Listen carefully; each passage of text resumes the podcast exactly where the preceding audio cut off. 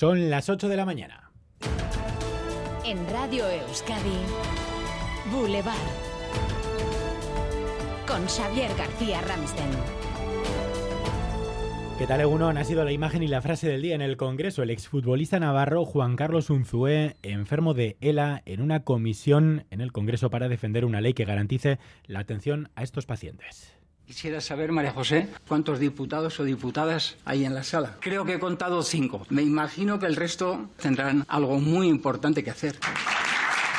Se sorprendía un Zue por esa imagen, por esa ausencia de diputados. Lo cierto es que esta imagen no es tan novedosa, entre otras cosas porque la presencia de diputados en este tipo de citas, nos guste o no, es voluntaria. Sonia Hernando. Sí, son jornadas organizadas al margen de la actividad parlamentaria, a veces a petición de los propios grupos, en esta ocasión a petición de la Confederación de Entidades de la ELA, para dejar testimonios que dejaran claro que hace falta una ley para cubrir las necesidades asistenciales de estos enfermos. Asistieron las cinco portavoces de sanidad de los cinco grupos mayoritarios del Congreso, Partido Popular, PSOE, Sumar, Vox y Junts, aunque hay nueve grupos en la Cámara. La jornada la cerró, eso sí, el ministro de Derechos Sociales, Pablo Bustinduy. A los enfermos esta presencia parlamentaria les pareció insuficiente. Ahora está en manos de los grupos impulsar o no esa ley que los afectados reclaman desde hace años. Más diputados habrá seguro en el Congreso dentro de una hora sesión de control al gobierno primer cara a cara Sánchez Feijó tras la victoria del Partido Popular en Galicia que los populares siguen saboreando.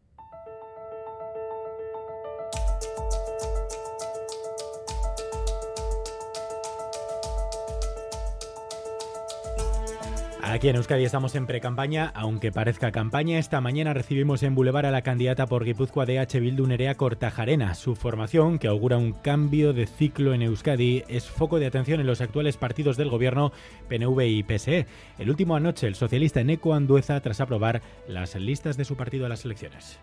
La izquierda Berchale dice que vivimos un momento histórico. Y efectivamente es así, pero no para lo que ellos quieren o para lo que ellos piensan. Todo lo arreglan con soberanía, todo lo solucionan con independencia. Mientras sigan en su proyecto independentista, nunca será la solución y siempre seguirán siendo el problema. Y horas antes el PNV mostraba su escepticismo ante la propuesta que lanzó Pello Chandiano aquí en Boulevard y que ayer defendía de nuevo Arnaldo Otegui, un posible acuerdo de gobierno entre PNV y EH Bildu gobernando la lista más votada. Vamos, me, me, sorprende ¿no? que diga esto Otegui cuando al Partido Nacionalista Vasco, en las elecciones al Congreso y el Senado, las elecciones a Cortes, y a mí, en primera persona también, nos ponía en la sección de los fachas. ¿eh? A las ocho y media, Nerea Cortajarena en Boulevard, a quien preguntaremos también por el decreto de normalización del euskera que el Gobierno vasco tiene listo para aprobar en Consejo de Gobierno, un ambicioso decreto que busca sustituir al actual de 1997 que va a afectar a todo el sector público vasco, que introduce alternativas para acreditar el euskera y que incluye los llamados perfiles asimétricos. Ander López Lerena. Sí, un nuevo impulso al uso del euskera en el sector público. Ese es el objetivo del nuevo decreto que aprobará el gobierno vasco para acreditar los niveles de euskera para un puesto. Y es que con superar la prueba u oposición en euskera servirá para acreditar el nivel exigido. Además, se crearán nuevos perfiles lingüísticos asimétricos, es decir, se podrá exigir distinto nivel en el oral y en el escrito para puestos, por ejemplo, en los que la comunicación sea sobre todo verbal. Y sobre la ley de vivienda estatal y su aplicación en Euskadi hay novedades. Los municipios vascos podrán ser declarados zonas tensionadas para el alquiler en su totalidad, no solo por distritos, no solo por barrios. El gobierno vasco ha ampliado el criterio, como había pedido entre otros el ayuntamiento de Donostia, así que allí nos vamos. Laida Basurto, estás en un barrio que se va a ver, por tanto, beneficiado. Sí, en Martutén, un barrio obrero de Donostia que hasta ahora no cumplía los requisitos, pero que estaba rodeada de barrios y de municipios que sí. El ayuntamiento había pedido que toda la ciudad fuera considerada zona tensionada para que barrios como este no sufrieran efectos contagio. Finalmente así será, los vecinos se congratulan por ello.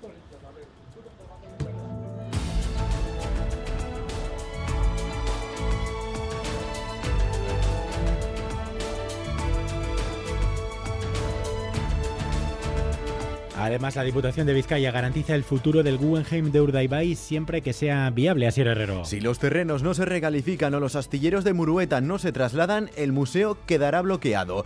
Elizabeth Echanove, diputada general de Vizcaya.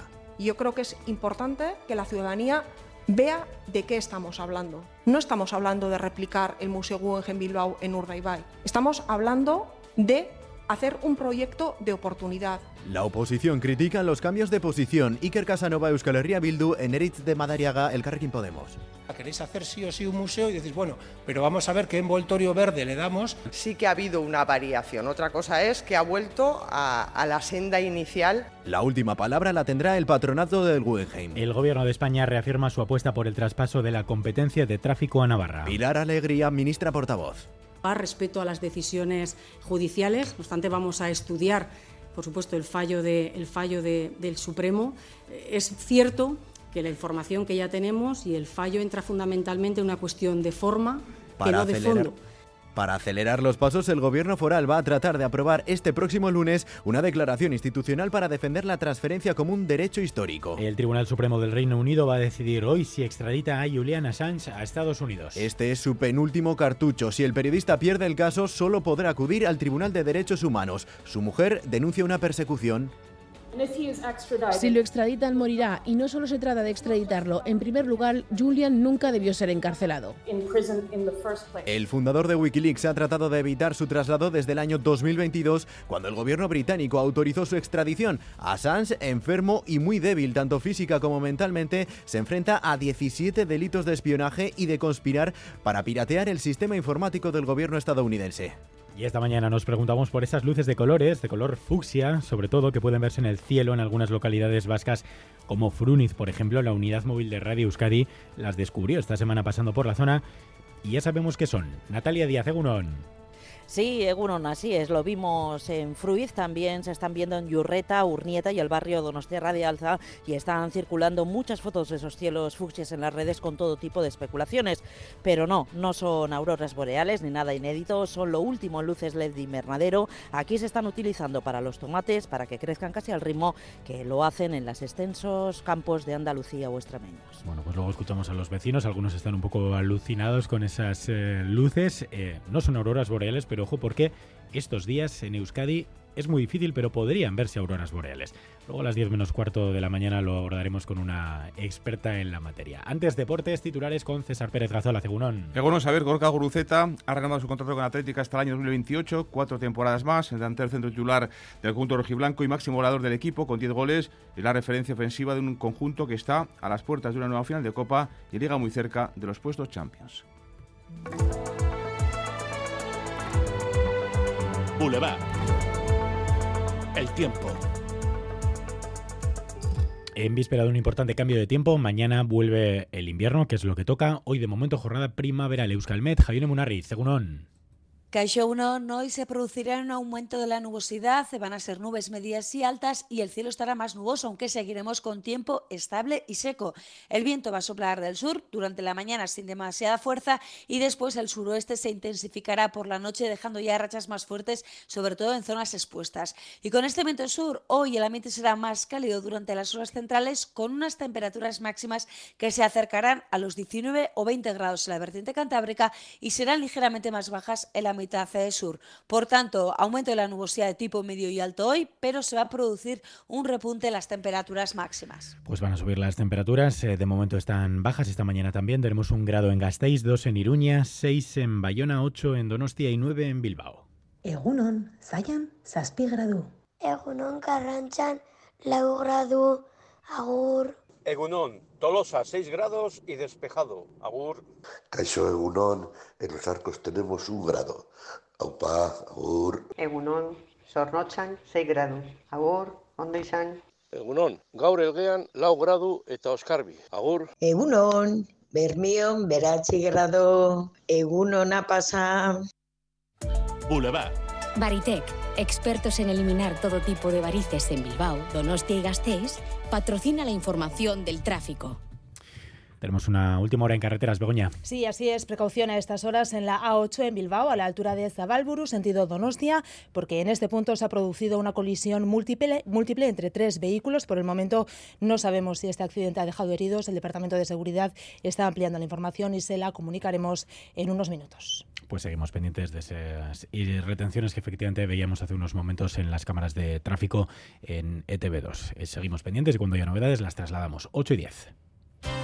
¿Llevas tiempo con varices y necesitas una solución definitiva? ¿Te gustaría informarte sobre los nuevos métodos sin cirugía?